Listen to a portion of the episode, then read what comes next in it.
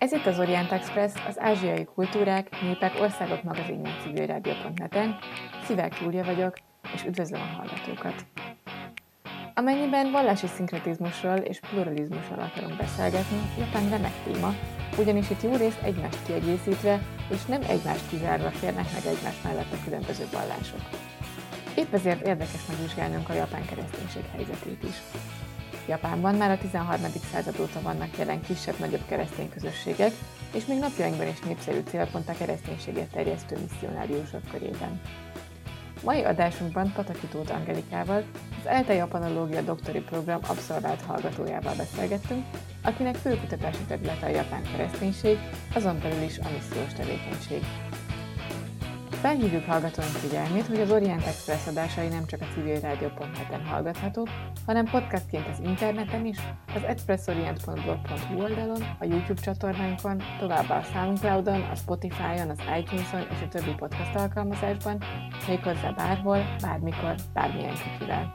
Angelika, nagyon szépen köszönöm, hogy itt vagy velünk az adásban. Az első kérdésem az lenne, hogy téged hogy kezdett el érdekelni Japán? Hát köszönöm szépen is a meghívást. Ha jól tudom, akkor a diszertációdnak a témája az a japán kereszténység. Igen, igen. Hát ugye a történetéről szerintem már nagyon sokan írtak így magyar mindenféle forrásokban, szóval a könyvekben azért elég sokat lehet róla olvasni magyarul is, meg szakdolgozat is sok született róla, úgyhogy én így inkább a keresztény missziót, meg a missziós technikákat vettem így a fő alapnak a kutatásomhoz. Hogy kezdett el érdekelni ez a téma? Ez úgy kezdett érdekelni, hogy én alapvetően keresztény családban nőttem fel, szóval másodgenerációs hívő vagyok, ami azt jelenti, hogy a szüleim, ugye ők már keresztények voltak, és én így kerültem be egy keresztény közösségbe, és hát ugye maga a keresztény vallás egy hittérítő misszionáló vallás, tehát hogy ez ilyen mindennapos volt ott nekem, hogy mi az, hogy evangélizáció, meg hogy ezek a dolgok hogyan zajlanak. Igazából annyira természetes volt, hogy amíg nem kerültem ide a japán szakra, addig úgy nem tudatosodott bennem, hogy, hogy milyen a másik oldal ennek. Szóval azt tudtam, hogy milyen azon az oldalon lenni, ahonnan ugye mondjuk evangélizálni más embereknek, akik nem ismerik a kereszténységet, azt viszont nem tudtam, hogy milyen azon az oldalon lenni, akik ugye nem hallottak még így a kereszténységről, vagy nem tudják, hogy ugye mik az alaptanítások, vagy hogy egyáltalán miről szól ez a vallás, és a, az alapszakon még annyira nem foglalkoztam ezzel a témával, szóval ott így úgy voltam vele, hogy tanultuk, hogy japán kereszténységnek milyen a története, hogy milyen korszakai voltak, meg hogy milyen keresztény üldözések voltak, és hát ilyen érdekes téma volt, de akkor ugye az annyira nem fogott meg, viszont a mesterszakon volt egy ilyen társadalomtudományos óránk, és akkor ott lehetett jelentkezni különböző témákra előadásra, és volt ugye a japán kereszténység, és akkor így gondoltam, hogy hát már van azért valamennyi alapismeretem, Úgyhogy akkor jelentkezem erre, és ott, ahogy így elkezdtem ugye kutatómunkát, úgy elkezdtek ezek a misszióval kapcsolatos ilyen források feljönni, a, így egyre több ilyen feljött, hogy hogyan menjünk el keresztény misszióba Japánba, miben különbözik a kultúra, és ezt egy misszionáriusként hogyan tudjuk hát egyrészt megismerni, másrészt ugye hogyan tudjuk ilyen kulturális elemeken keresztül bemutatni a kereszténységet, és ugye a, ezt a részét eddig én nem ismertem, és én nagyon érdekes volt nekem, hogy, hogy uh, ilyen szinten, tehát hogy uh, vannak olyan kulturális elemek, amik igazából meghatározzák, hogy hogyan beszélünk a kereszténység üzenetéről uh, ezeknek az embereknek, és ugye itt aztán olvastam arról is, hogy ugye addig ilyen tényként tudtam, hogy nagyon kevesen vannak Japánban keresztények, de addig nem fordult meg a fejembe, hogy konkrétan vajon miért lehet, és itt megolvastam ilyen teóriákat is ezzel kapcsolatban. Ugye az a lényege, hogy igazából nem volt egy ilyen megfelelő hozzáállás a japán kultúrához és hagyományokhoz a keresztény oldalról, és ezért ilyen nem tudott vonzóvá válni a vallása a japán emberek számára. Akkor, hogy ezt így olvastam, akkor így hát elolvastam egy ilyen 10-20 forrás körülbelül, és akkor így néztem, hogy elméletben arról írnak, hogy ezt már úgy sikerült kiküszöbölni, de hogy én így azt látom a forrásokban, hogy még mindig ugyanezzel a hozzáállással írják meg ezeket a, az elmúlt tíz évben készült ilyen mindenféle könyveket, és akkor így éreztem, hogy hát lehet, hogy ebből érdemes lenne egy ilyen kutatást készíteni, vagy egy ilyen összefoglaló anyagot, hogy mennyi minden van, és hogy ehhez képest ugye gyakorlatilag még mindig ugyanott tartunk, hogy még mindig ugyanaz a hozzáállás a más kultúrából érkezett emberek felé így a keresztény oldalról. Magyarországon hogy lehet kutatni? Vagy említetted, hogy vannak különböző források. Miből dolgozol? Hát egyrészt érdemes utána nézni, hogy kik azok, akik kint vannak Japánban, esetleg még mindig ilyen aktív missziós munkát végeznek, és hogy nekik jelentek-e meg ilyen könyveik. Azért általában meg szokták írni az ilyen élettapasztalatukat, missziós útjaiknak a történetét, vagy a missziós tapasztalataikat is ilyen könyvekben. Másrészt van olyan opció is, hogy ilyen konkrét missziós segédleteket akár ingyenesen is le lehet tölteni internetről, vagy pedig el lehet kérni, hogyha, tehát hogy lehet nekik levelet írni, és akkor megbeszélni velük, hogy ez a kutatási témám, hogy tudnának ebbe segíteni, és akkor van, aki nagyon segítőkész és egyébként elküldi, vagy volt én is, akivel felvettem a kapcsolatot, hogy szeretnék pár kérdést feltenni, és akkor így válaszolnak. Nemeshegyi Péter atyának jelent meg Posztumusz egy kötete, amiben például Ugye ő foglalkozott a vallások közötti párbeszéddel, és ott például benne volt egy ilyen 10-20 oldalas tanulmányáról, úgyhogy hát így magyar oldalról ez, ami így főforrás volt, de alapvetően így interneten keresztül lehet kapcsolatokat építeni, hogy négy év volt így megtalálni ezeket a, az ilyen mindenféle levéltárakat, amik digitálisan felteszik, úgyhogy igazából van hozzá anyag, csak azért elég sokat kell keresgélni, főleg az interneten milyen területről szoktak menni általában emberek? Tehát, hogy angol országokból, vagy Európából, Amerikából van valamilyen jellemző terület, ahonnan gyakran mennek misszionáriusok Japánba? Szerintem inkább Amerikából. Én azt tapasztalom, Magyarországról szinte senki. Tehát akikről így tudunk, hogy voltak Japánban kint misszionáriusok, körülbelül egy ilyen 15-20 emberről beszélünk összesen így a az elmúlt nagyjából 150 évből, tehát hogy Magyarországról nagyon kevesen vannak, akik úgy hivatalos úton mentek ki, és akikről így van dokumentáció, de a legtöbb az szerintem Amerikából, akik érkeznek, és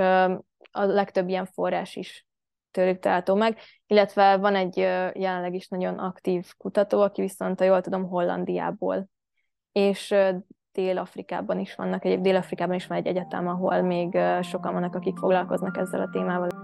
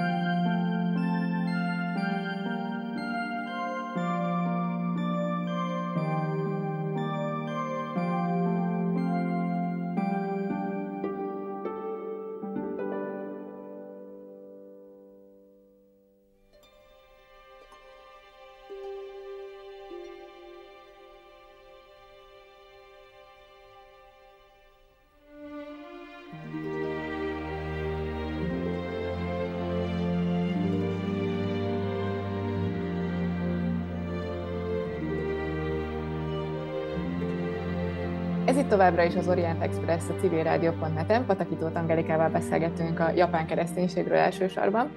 Viszont mielőtt még nagyon elmélyednénk a témába, tudnál egy kicsit mesélni nekünk arról, hogy milyen a vallási helyzet egyáltalán Japánban, mik a nagy vallások,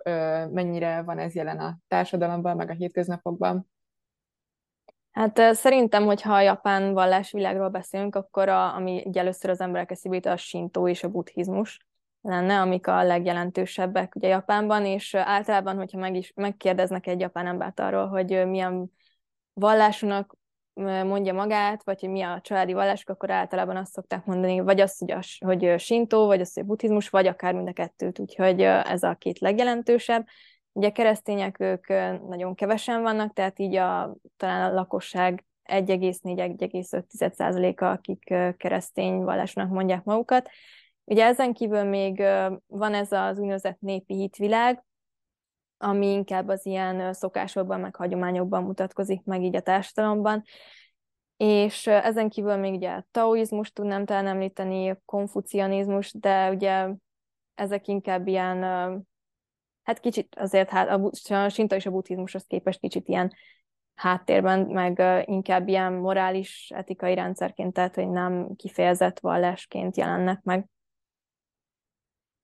Mondtad, hogy ha valakit megkérdezek, hogy mi a vallás, akkor lehet, hogy azt mondja, hogy a sintó és a buddhizmus. Ez hogy működik? Igen, ez úgy működik, hogy ugye itt kicsit másabb az embereknek a valláshoz való hozzáállása, vagy így a vallási felfogása, mint ugye nálunk. Tehát igazából azt tudnám mondani, hogy ott inkább ilyen gyakorlat orientált, tehát nem az számít kifejezetten, hogy miben hisz valaki, nem a személyes hit számít inkább. Ugye ez egyrészt inkább ilyen családi hagyományokon alapul, hogy ki milyen valláshoz tartozónak vallja magát, és másrészt ugye előszokott az fordulni, hogy ilyen különböző események vagy ünnepek alkalmával így idézőjelben így váltogatják a, a vallásokat, tehát hogy megvan az, hogy mikor mennek mondjuk egy sintó szentébe, vagy mikor egy buddhista templomba, de egyébként most már az ilyen keresztény stílusú, de úgy alapjaiban nem keresztény esküvők is nagyon népszerűek. És mennyire van jelen a hétköznapokban a vallás, vagy a valláshoz kapcsolódó gyakorlatok, amiket említettél? Szerintem Japánban igazából az élet minden területét úgy átszövi a vallás, de tehát, hogy nem olyan értelemben, mint mondjuk nálunk, tehát nem ez a személyes hit, amit ugye említettem, hanem inkább, hogyha mondjuk valamilyen vizsgáról van szó, akkor például teljesen természetes, hogy valaki elmegy és vesz valamilyen amulettet vagy talizmánt, ami, ami majd szerencsét fog neki hozni, illetve teljesen természetes az is, hogy új évkor elmennek ugye az újévi szentély látogatásra, tehát hogy ezek ilyen természetes részei mindenki, mindenki életének, inkább ez ilyen családi hagyomány, és ott például az sem kelt ilyen nagy feltűnést, nem tudom, hogy ez így helyes kifejezés erre, de hogy például a, ugye a buddhista templomoknak, sintó szentéknek vannak ilyen gazdasági tevékenységei, ami teljesen természetes. Például micsoda? Hát ugye Japánban elég magas az abortuszok száma, például, és vannak ilyen szolgáltatásai a buddhista templomoknak, hogy az abortált gyermekeknek a lelki üdvért lehet ilyen kis szobrokat készítetni, illetve imád kérni a értük a buddhista papoktól, és akkor ezt szokták ilyen újságokban is hirdetni például. Egy pár szót tudnál szólni a sintóról, hogy az pontosan mi is, mert a buddhizmusról talán kicsit többet tudunk, de a sintó az így nagyon japán specifikus, és szerintem pont azért kicsit talán így kevésbé ismert. Hát ugye a Shinto ez Japánnak a népi hitvilága, aminek igazából nem volt írásos dokumentuma, amin ugye alapul, és hát ilyen animizmussal keveredett népi hitvilág igazából, ugye nagyon meghatározó benne a tisztaság és a tisztátalanság kettőse például, úgyhogy vannak ilyen mindenféle szertartások, amik a megtisztulást szolgálják, ez inkább az élettel és a termékenységgel áll kapcsolatban. Vannak még ezek a kamik, amikre hát azt szokták mondani, hogy ilyen istenek, de nyilván nem olyan értelemben véve, mint ahogyan a nyugati kultúrában veszük az Isten fogalmat az állam és a vallások között van valamiféle összefonódás? Ugye a második világháború után teljesen megszűnt az állam és az egyházaknak a kapcsolata egymással, ugye ezért is vannak nekik ilyen különböző gazdasági tevékenységeik, mert ugye így az állam már nem támogathatja a vallási szervezeteket, és azoknak viszont muszáj fenntartaniuk magukat valamilyen módon, és akkor ugye erre szolgál az, hogy ilyen amuletteket, vagy talizmánokat árusítanak, vagy ilyen különböző tréningeket tartanak. A második világháború után, ami létrejött új alkotmány, ugye az abban foglalták bele, hogy az állam már nem állhat így kapcsolatban vallásokkal, ugye az addigi helyzet miatt. Ugye a második világháborúban, amikor belesodródott Japán, akkor volt egy ilyen ultranacionalizmus, illetve ilyen területszerző expanzivizmus, aminek az volt a, egy ilyen velejárója, hogy akkor egy nem kifejezetten államvallás, inkább államideológiaként megjelent a, a kokkasintó, ezt állami sintónak tudnánk igazából magyarul nevezni, és ezt szerették volna így megszüntetni ennek a hatását, mert ugye ez ilyen állami ideológiaként működött, amellett, hogy minden addig Japánban jelenlévő vallást háttérbe szorított, ugye nyilván erősen támogatták az ehhez kötődő szervezeteket is így állami szinten, és ugye amikor jöttek a, az amerikai megszálló hatalmak, ugye a második világháborús vereséget követően, akkor ők létrehoztak egy új alkotmányt, aminek az volt az egyik eleme, hogy az állam és az egyházak, ugye a vallási szervezetek teljesen külön vannak választva, és nem is támogathatja az állam semmilyen szinten ezeket, pont azért, hogy elkerüljék a későbbiekben azt, a, ami ugye addig volt. És az állam ö, hogyan kezeli a különböző vallásokat? Tehát, hogy bármilyen vallású lehet elméletileg Japánban, kell-e vallásodnak lennie, dönthetsz-e úgy, hogy ateista vagy? Hogy működik ez? Ugye ebben az új alkotmányban ebben már benne volt az ilyen teljes vallásszabadság is, tehát nincsen semmilyen korlátozás arra nézve, hogy ki milyen vallásúnak mondhatja magát. Persze nincsen ilyen kötelezettség sem, hogy valamilyen valláshoz tartozónak kell lenni az embernek.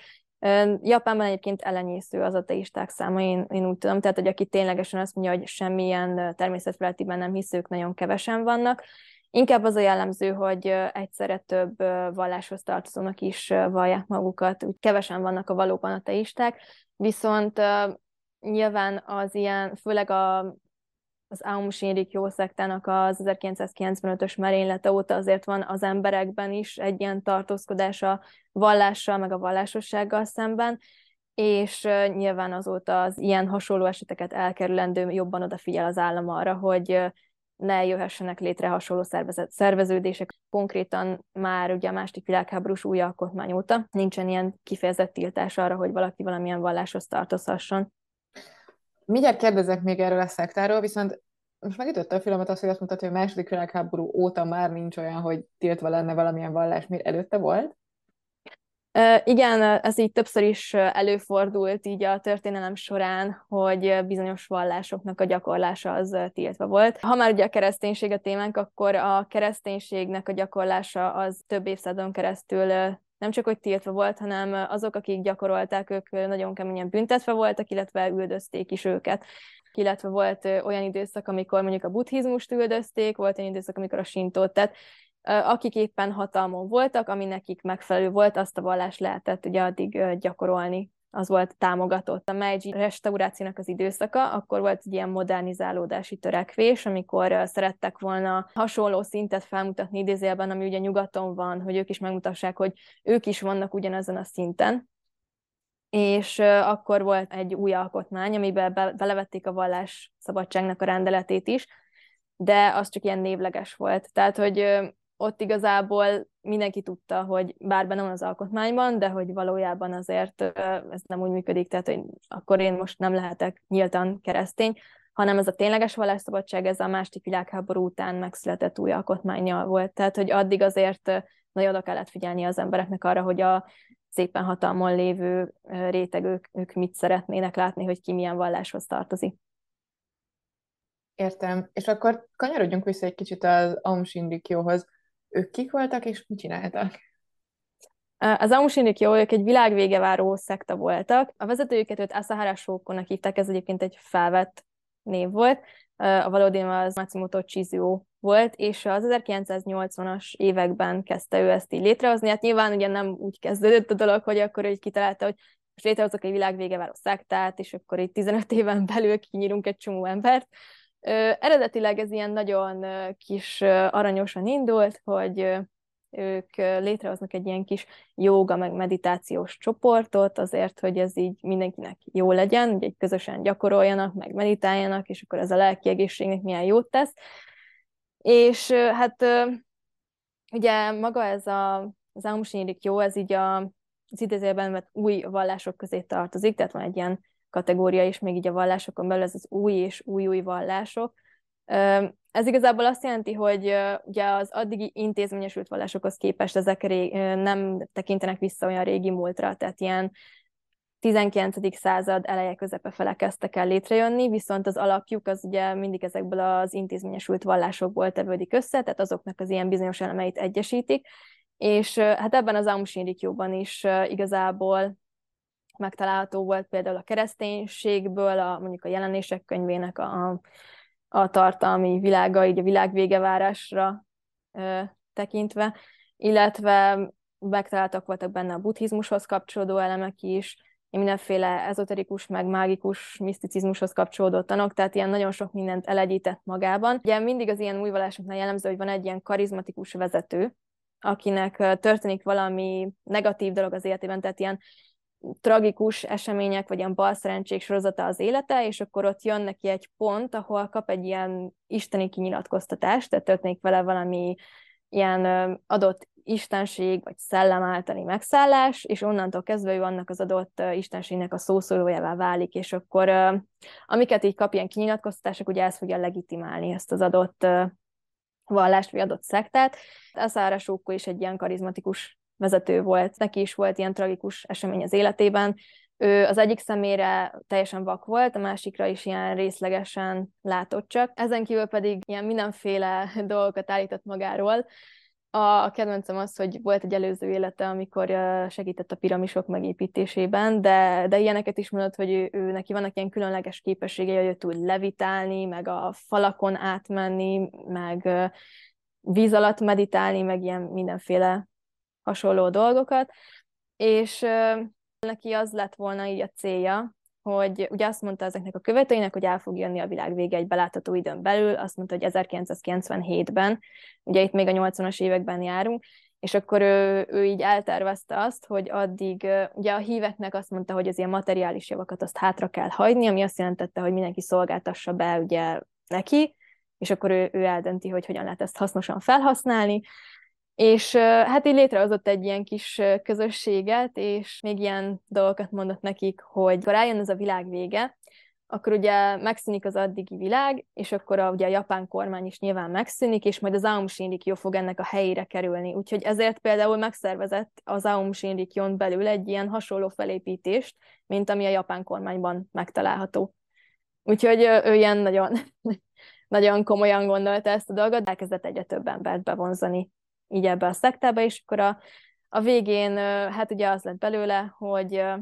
ugye ehhez a világ vége váráshoz hozzátartott, hogy elhitette az emberekkel, hogy az, hogy eljön a világ vége, ugye akkor mindenki, aki nem tagja az AUM-nak, az hát így el fog kárhozni. De hogyha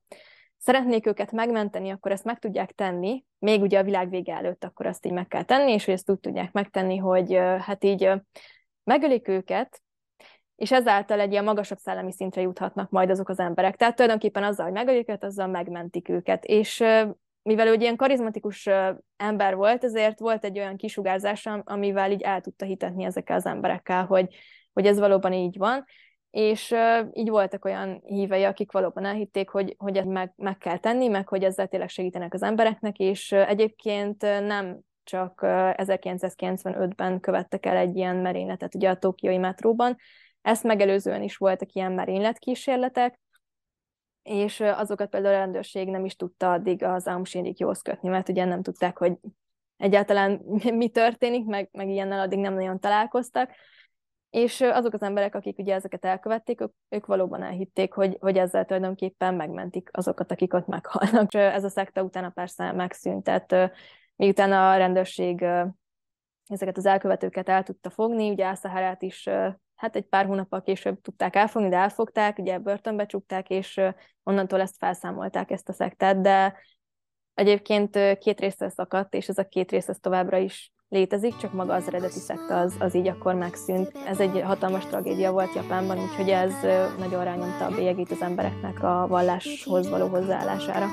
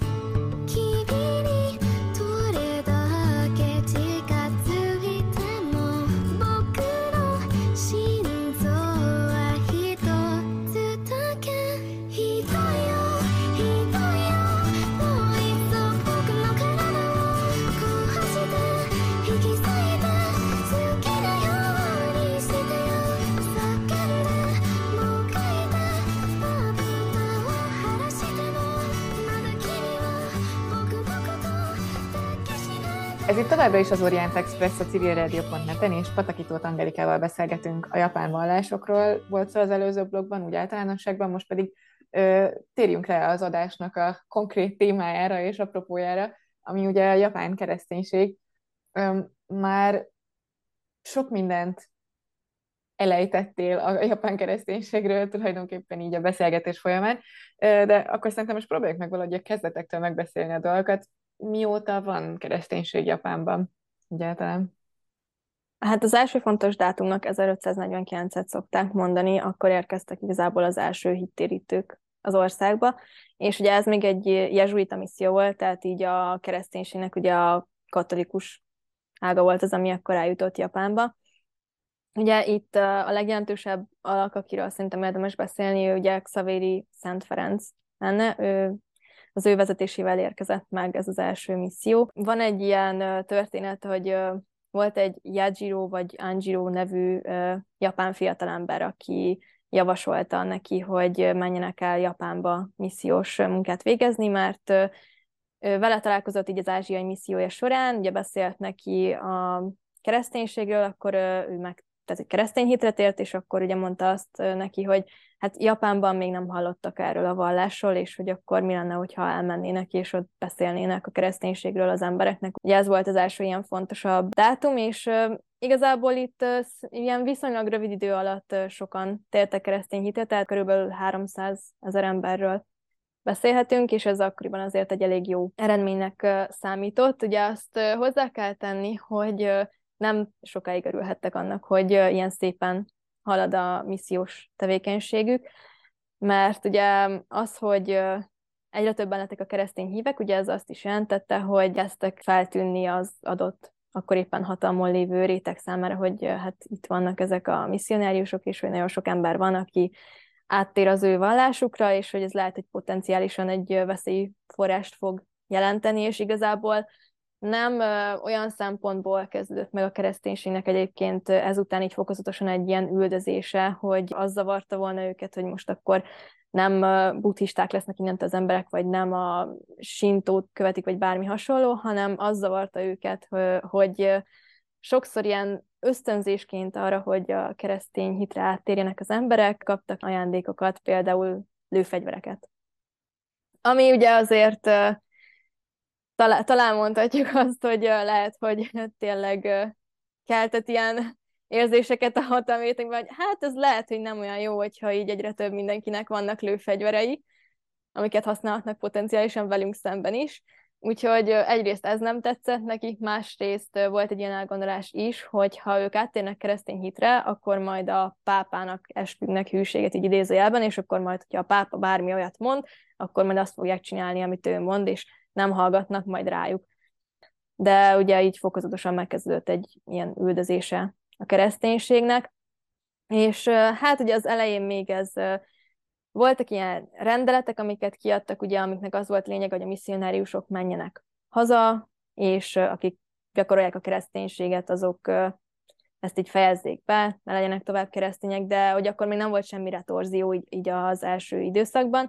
Úgyhogy akkor egy-ketten, akik így megijedtek a misszionáriusok közül, ők valóban hazautaztak, de sokan még maradtak, és továbbra is végezték így a hittérítői tevékenységüket. Aztán elkezdődött, ugye amikor a hatalom látta, hogy hát akkor ennek így semmi értelme nincsen, hogy ugyanúgy tovább rá is mindenki, aki keresztény, az ugyanúgy keresztény maradt, úgyhogy akkor így elkezdték egyre inkább ezeket a szankciókat komolyan venni, és példát statuálni különböző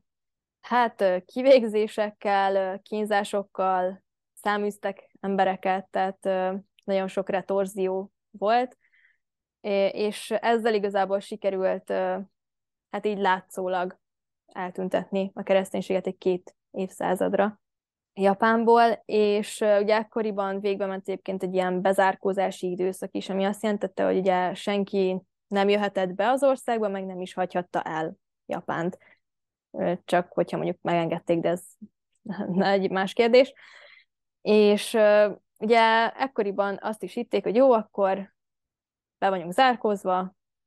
a misszionáriusok azok vagy elmenekültek, vagy kivégeztük őket, vagy meghaltak időközben, és akkor így le van a probléma a kereszténységről, úgymond, de volt a híveknek egy csoportja, akik viszont meg tudták őrizni a keresztény hitet az utolsó misszionáriusnak a halála után. Ők egy ilyen különleges kis elemei a, a japán keresztény palettának, hogyha ezt így lehet mondani. Őket egyébként rejtőzködő keresztényeknek szokták nevezni, japánul kakure kirisitán. És ugye ez a rejtőzködő ez azt jelenti, hogy ugye úgy sikerült megőrizniük a hitüket, hogy szó szerint így elrejtették a kereszténységnek a látható elemeit. Ugye azt így említettem, hogy az első időszakban ugye ez a jezsuita misszió volt, tehát hogy inkább a katolikus része volt ugye a kereszténységnek, és ugye ennek nagyon fontos elemét képezik az ilyen különböző szentágyak, tehát mondjuk ilyen feszületek, vagy mondjuk a Mária kisdeddel szobrok például, vagy ilyen Jézus szobrok, vagy bármi hasonlók, különböző szentképek, ugye ezek nagyon fontos elemei, és ugye ezeket például elrejtették úgy, hogy mondjuk ilyen buddhista, különböző buddhista elemekkel tudták például elrejteni, tehát mondjuk volt olyan kis buddha szobor, ha mondjuk valaki bement egy házba, ugye azt tudni kell, hogy ilyenkor ez az üldöztetés, ez nem úgy működött, hogy akkor akin jól látható volt, hogy keresztény, akkor azt elkapták, hanem folyamatosan felügyelet alatt voltak az emberek. Tehát voltak ilyen különböző rendelkezések, amiknek az volt a lényege, hogy ugye az állam meg tudja figyelni az embereket, hogy milyen vallásúak. Tehát volt egy ilyen Goningüminek nevezett rendszer, ez volt ennek a felügyeletnek az egyik eszköze. Ez azt jelentette, hogy öt darab családot így bevettek egy csoportba. Ugye ez a Goningumi, ez azt jelenti magyarul szó szerint, hogy ilyen ötök csoportja, vagy ilyen ötös csoport. És akkor ennek az öt családnak az volt a feladata, hogy egymásra oda kellett figyelni, hogy nehogy valamilyen keresztény ember legyen közöttük. És hogyha ez kiderült, hogy valaki keresztény, akkor ugye ezt azonnal jelenteni kellett, mert hogyha máshogy derült ki, mondjuk egy szomszéd vette észre, vagy bármi, és jelentették a hatóságoknak, akkor az egész ötös csoportot, tehát minden tagot megbüntettek. Ugye vagy kivégezték őket, az még igazából a humánusabb módja volt, nagyon csúnya kínzások voltak egyébként, és hát ugye ennek egy ilyen nagyon jó eleme volt az elrettentésnek ez az ötök csoportja, hogy mindenki odafigyelt a másikra, hogy ugye a, a saját jól, nem tudom, tehát a saját érdekében, meg a saját családja érdekében muszáj volt figyelni a többieket, hogy nehogy legyen köztük valaki. És ugye, mivel ilyen árgus szemekkel figyelt mindenki, ezért kénytelenek voltak elrejteni az ilyen dolgokat, tehát mondjuk, hogyha bemegyünk egy házba, és akkor ott nem tudom, belépünk az ajtón, és látjuk, hogy jaj, te aranyos, itt van egy buddha szobor, de ugye most nyilván valahova csak úgy bemegyek, akkor nem, nem fogom elkezdeni fogdosni a szobrokat, viszont hogyha elkezdték volna mondjuk kézbe venni, megfordítani, akkor lett volna a hátán egy kereszt például. Vagy volt olyan, aminek a, így a fejét leve, lehetett levenni, és akkor ott belül volt benne egy ilyen kis kereszt, vagy egy kis feszület. Úgyhogy például ilyesmiket lehetett, vagy ugye ezeket a Mária ábrázolásokat megoldották úgy, hogy a buddhizmusban van a Kanon Bodhisattva, és neki is van egy ilyen ábrázolása, ami nagyon hasonló a Mária kisdeddel ábrázoláshoz, és akkor ezt így megoldották úgy, hogy azt mondták, hogy hát ez, ez Kanonnak egy, egy ábrázolása, de valójában ugye nem az volt. És akkor ezeket így emiatt el is nevezték ilyen Mária Kanonnak. Hát ez egy ilyen kis külön sajátosság, és akkor ugye az nyilván Mária volt a kisdeddel valójában. Illetve ugye voltak ilyen szent képek is, és hogyha elkaptak ilyen keresztényeket, akkor őket például kényszerítették arra, hogy megtapossák ezeket a, a képeket. Illetve egy idő után már volt egy ilyen kötelezettség is, hogy fel kellett utazni, és ez ugye az éppen hatalmon lévők előtt kellett bizonyítani azt mindenkinek, hogy ő nem keresztény, például azzal, hogy mondjuk ilyen szentképeket megtaposnak. Ugye azt feltételezték, hogy nyilván aki kereszténynek mondja magát, az nyilván nem fog megtaposni egy ilyen szentképet. Tehát, hogy ilyen mindenféle módszerek voltak, amikkel próbálták ezt biztosítani, viszont ezek az emberek, hogy ezek a rejtőzködő keresztények így például meg tudták őrizni a, a saját vallásukat. És ugye mivel az volt a legjobb, hogyha nincsen írásos bizonyítéka annak, hogy valaki keresztény, ezért például nekik a, az egész liturgiájuk, a szertartásaik, az ilyen mindenféle szent irataik, azok ugye nincsenek is konkrétan ilyen szent iratok, hanem szájhagyomány útján őrződött meg a kereszténység. És uh, hát ugye itt szinkretizálódott a buddhizmussal is, illetve a sintóval, népi hitvilággal ugye ennek következtében mindig azért adódott hozzá egy kicsi, úgyhogy emiatt egy ilyen nagyon egyedi irányzatává alakult, vagy ilyen nagyon egyedi kis ágává alakult a kereszténységnek igazából, és hát ugye ők egészen addig sikerült így megőrizniük a hitüket, amíg Japán meg nem nyitotta a kapuit a külföldiek előtt újra, tehát a bezárkozási időszak végéig ők ezt meg tudták őrizni, és ugye amikor már érkezhettek megint külföldiek az országba, és ugye megérkeztek az első, hát ugye újabb keresztény misszionáriusok, akkor fették fel magukat így idézőjelben, hogy hát mi, mi amúgy még itt vagyunk, és hogy így őrizzük a keresztény hitet. De ebből nem lettek egyébként feszültségek, hiszen hát mondtad, hogy ez egy szinkretikus vallásá vált gyakorlatilag. Nyilván a keresztény misszionárisok, főleg, hogyha mondjuk katolikusok, akkor meg nyilván nekik megvan a nagyon konkrét elképzelésük arról, hogy hogyan kéne a vallást gyakorolni. Mit szóltak ezekhez, ezekhez a rejtőzködő keresztényekhez? Igen, ez, ez egy nagyon jó kérdés. Hát igazából az adott embertől függött, tehát az adott misszionáristől függött, hogy az elején például, akik ott voltak, a többségük nagyon örültek neki, hogy a kereszténység ilyen körülmények között is meg tudott maradni Japánban, de persze voltak olyanok, akik meg azt mondták, hogy hát ez igazából már nem is számít kereszténységnek, mert annyira szinkretizálódott az ottani vallási világgal, hogy már teljesen elveszett belőle az eredeti jelentéstartalom, úgyhogy voltak olyanok, akik azt mondták a, ezeknek a rejtőzködő keresztény híveknek, hogy az lenne a legjobb, hogyha ők áttérnének ugyanúgy a katolikus hitre, vagy áttérnének valamelyik másik keresztény felekezetnek a hitére, és akkor azt gyakorolnák onnantól kezdve, mert hogy ugye az az igazi kereszténység idézőjelben, amit ők csinálnak, az már nem az, és ugye emiatt voltak is olyanok, akik ezek közül a rejtőzködő keresztények közül úgy döntöttek, hogy akkor ők tényleg áttérnek a katolikus hitre, és akkor onnantól kezdve már katolikus keresztényekként éltek tovább, vagy gyakorolták tovább a vallásukat, viszont azért nagyon sokan megmaradtak emellett, hogy ragaszkodtak a hagyományaikhoz. Ugye itt nem csak arról volt szó igazából, hogy most milyen hitem van, arról is volt szó, hogy az az adott család évszázadokon keresztül mekkora áldozatok árán őrizte ezt a hitet, és ugye ezért nagyon magukénak érezték, és nagyon ragaszkodtak hozzá többségében. De hát sajnos ma már egyre kevesebben vannak. Ugye ez főleg Nagasaki térségét érinti, tehát ott voltak a rejtőzködő keresztények, ilyen kisebb szigeteken, és ugye, hogy jött az urbanizáció, ugye egyre több fiatal ment a nagyvárosokba, így már egyre inkább az időseknek a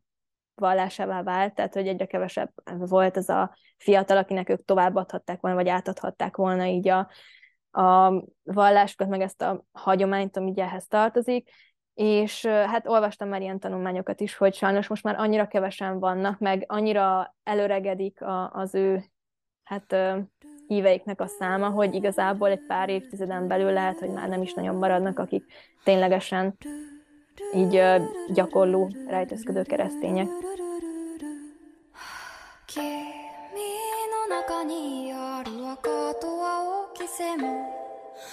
それ心風の中でも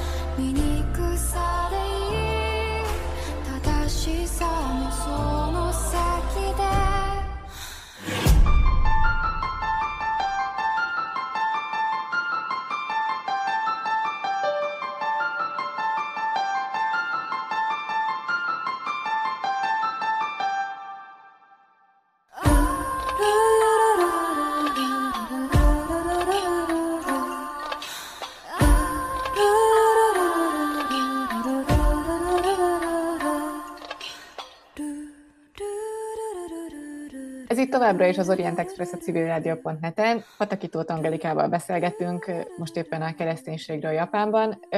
Ugye ott hagytuk abba valahol a történetet az előbb, hogy Japán bezárkózott 200 évre, és nem lehetett se ki, se bemenni, ami nyilvánvalóan a missziós tevékenységet is befolyásolta. Mi történt akkor, amikor újra lehettek, lehettek újra, újra fogadhattak misszionáriusokat? Hát először ugye azért érkeztek misszionáriusok, mert azt mondták, hogy az volt a hivatalos verzió, hogy nem téríteni jönnek, hanem azért jönnek, hogy akik érkeznek külföldiek, nekik legyen ott olyan pap, vagy olyan lelkipásztor, aki így rendelkezésre áll, és amik ebben az időszakban épültek, például templomok, azokra is az hogy ez azért épült, mert akik ide érkeznek külföldiek, nekik legyen hova járni templomba. Tehát, hogy ez még az a legelső időszakban, ugye a kapunyítás követően, ugye amikor megint jöttek külföldiek Japánba, akkor ez így hivatalosan abszolút nem azt jelentette, hogy akkor újraindul a misszió, és akkor most a japán kereszténység újra felélénkülhet. Ugye akkor még így ugyanúgy éltek azok a tiltórendeletek, ugyanúgy az állam egyáltalán nem nézte jó szemmel, ugye a hatalmi nem nézte jó szemmel azt, hogyha japán emberek keresztények lesznek, és az 1870-es években volt az, amikor elkezdett fokozatosan enyhülni ez a helyzet. Tehát addig voltak ilyen, azt hiszem, hogy ilyen, hát ilyen tiltó tábla szerű dolgok, amik, amiken külön még így nyomatékosították, hogy nem lehetnek az emberek keresztények, és akkor ez, ezeket a táblákat elkezdték elbontani. Például, és ugye onnantól kezdve egy fokozatosan egyre enyhült a helyzet, és akkor már akik érkeztek misszionáriusok, ők már így valóban tudtak az emberek között tevékenykedni, tehát nem csak a külföldi küldöttségeknek a, a tagjai számára tudtak nem tudom, lelki támogatást nyújtani, vagy, vagy ott lenni, hogyha szükségük lenne rájuk, hanem onnantól kezdve tényleg elkezdhettek foglalkozni a japán emberekkel, tehát onnantól már nem kellett titokban végezni a tevékenységüket, vagy nem kellett a japán embereknek is titokban kereszténynek lenniük. Tehát a legelső időszak az még így ugyanúgy egy ilyen kemény időszak volt a tiltásokkal, és ugye ekkoriban már nem csak a katolicizmus volt jelen Japánban, hanem itt már a protestáns felekezetek is megérkeztek Japánba, így például ugye református, az evangélikus, pünkösdi felekezetek, és ugye ez azt is eredményezte, hogy akkor innentől kezdve már akik keresztényekké váltak, ugye ők nem csak katolikusok voltak, tehát így körülbelül, hogyha mondjuk a mai helyzetet nézzük, akkor körülbelül az a Japánban jelenlévő keresztényeknek úgy az 50%-a az, akik katolikusok, és akkor az ezen kívüli rész az nagy többségében református, illetve vannak még ilyen kisebb felekezetek, akik képviseltetik magukat, például akiket említettem a pünkösdi mozgalom, ők az egész keresztény hívek számából a 5,8%-ot tesznek ki. Úgyhogy így változott igazából. Aztán ugye a második világháborúban megint egy, vagy a második világháború megelőző időszakban és az alatt megint egy nehéz helyzetben volt a kereszténység. Tehát ugye addig már elkezdett egész jól helyreállni a misszió, ugye a, a 200 éves tilalom, meg bezárkózás után, és akkor megint ugye, ahogy említettem ezt az ultranacionalizálódást, illetve a kokkasintot, ugye az állami ideológiaként jelenlévő állami sintót,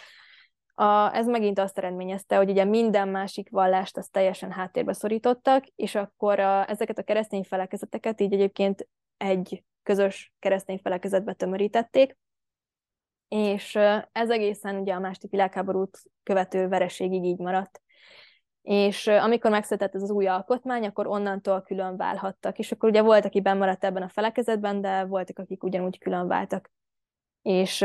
most már igazából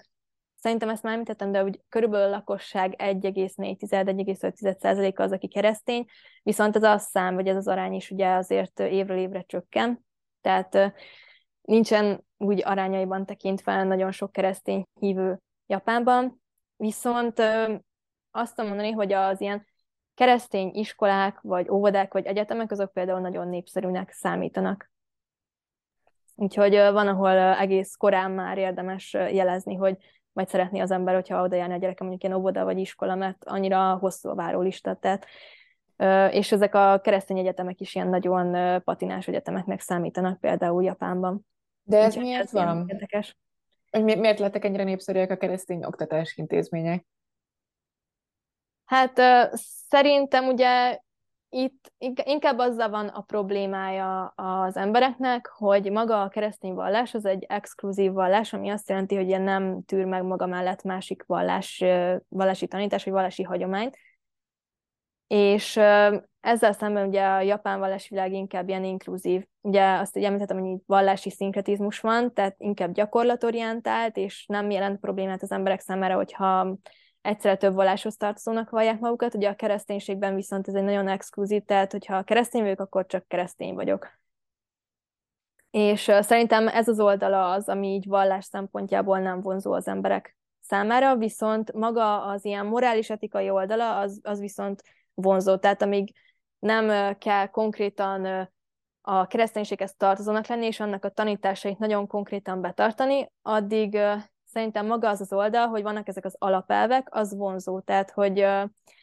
mondjuk a tíz parancsolatnak az alapelvei például vonzók, de hogyha nekem kereszténynek kell lennem, és kötelezően úgy kell élnem, ahogyan az a kereszténység tanítás szerint van, akkor az már annyira nem. De szerintem ez azért, mert ad egy ilyen morális keretet az ember életének, ugye az ottani oktatás, viszont nem kötelezi az embert arra, hogy akkor innentől kezdve az egész életét a kereszténység tanításának kell alárendelnie. Csak egy ilyen pluszt ad az életemhez, tehát hogy olyan alapelveket tanulok meg, amit hasznosítatok az életem során, de nem vagyok a köteles az egész életemet úgy élni, mint hogyha mondjuk keresztény hívő lennék. Tehát nincsen meg az a nyomás, hogy mint keresztény hívő nekem be kell ezeket tartani, nem csak egy ilyen alap az élethez, ilyen elindulási alap nem jelent ez egyfajta ilyen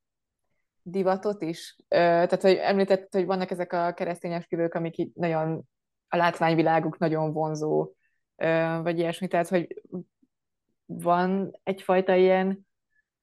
összeolvadása nyugatról alkotott vonzó képpel, meg a kereszténységgel? Igen, az egyébként biztos, hogy van, meg igazából voltak olyan időszakok, főleg ugye ebben a modernizálódás időszakában, amikor Ugye a kereszténység az a modernségnek volt egyfajta ilyen szinonimája, és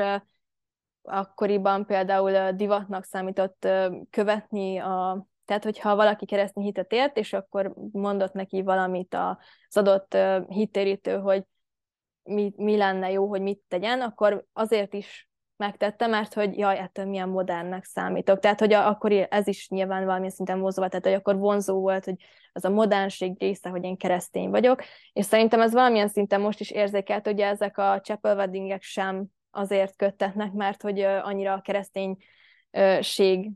nek megfelelően szeretnének ugye az emberek összeházasodni, hanem maga az, hogy fehér ruhában vagyunk, hogy egy pap előtt adnak minket össze, hogy egy ilyen nagyon szép díszes templomban vagyunk, meg a, ugye a templomnak a belső díszítése is általában így az, ami inkább imponál az embereknek, nem a vallási tartalom, szóval biztos, hogy van benne ez is, hogy ilyen divat, vagy ilyen modern, vagy menő dolognak számít, vagy nyilván az, hogy különleges, ugye ott az, hogy a sintó, tehát hogy ott nem számít annyira különlegesnek mondjuk egy sintó szentély nyilván, vagy egy buddhista templom, hiszen az a megszokott, viszont a keresztény templomok, ugye azoknak a díszítése, vagy, vagy azoknak a felépítése, hogy egyáltalán kinéznek, ugye az, az ilyen különlegesnek számít, úgyhogy biztos, hogy ugye ez is beleszámít ebbe. Sajnos lassan végét ér a műsoridőnk, pedig még nagyon sok mindent szívesen megtudnék a japán kereszténységről, de talán utolsó kérdésként visszatérnék arra, amiről a legelején beszéltünk, és akkor említetted, hogy a misszionárius tevékenységeknek az is a sikerének az egyik gátja tulajdonképpen az, hogy nem sikerült megtalálni a nem sikerült annyira ráérezni a japán kultúrára, vagy hogy nem sikerült megtalálni a közös hangot. Erről tudnál mesélni? Hogy mit is értettél ez alatt? Igen, ugye maga ez a missziós tevékenység, ez egy ilyen interkulturális tevékenység, tehát egy adott kultúrából elmegyünk egy másik kultúrába, aminek ugye Hát feltétele lenne a, az, hogy először informálódunk arról az adott kultúráról, hogy egyáltalán mi az, ami hasonló, mi az, amiben más, miért más, miért alakult így, miért gondolkodnak úgy az emberek, miért viselkednek úgy az emberek, egyáltalán hogyan viselkednek az emberek, mert ugye lehet az, hogy teljesen más szokások vannak, vagy teljesen más az, ami ott normális, és ami elfogadott, mint nálunk. És ezt én úgy vettem észre, hogy legtöbbször valahogy így elfelejtik az emberek, tehát azt várják el, vagy azt várták el, főleg a régebbi időszakokban, hogy ha ők elmennek valahova, akkor ott majd mindenki ilyen csodálattal fog rájuk tekinteni, hogy ú, hát ez, ez valami nagyszerű ember, ő, ő biztos, hogy sokkal többet tud nálunk, meg jobban tudja nálunk, és akkor így azon egy ilyen csettintése, ó, mi mindent meg fogunk itt csinálni, ez teljesen értető, hogy miért van így, és nagyon sokszor kimaradt ez az emberi tényező, tehát nem gondoltak bele abba, hogy más kultúra, máshogy alakultak ott a dolgok, más folyamatok mentek végbe, akár történelmileg, vagy akár földrajzilag egy teljesen más helyezkedésű helyről beszélünk, ugye ez is azért tud különbségeket eredményezni, és ezt mindenképpen fontos lett volna figyelembe venni. Ugye most már azért sokat javult ilyen téren a helyzetet, most már nagyon sok olyan forrás van, amiből informálhat az ember, mielőtt elmegy oda, viszont ezekben a forrásokban is nagyon sokszor az látható, hogy bár leírják azt, hogy igen, ez meg ez meg ez a kultúrának a része, viszont nincsen mögötte az a megértés, hogy az embereknek ez a természetes, és ezzel óvatosan kell bánni, hogyha mi szeretnénk valami más, újabb dolgot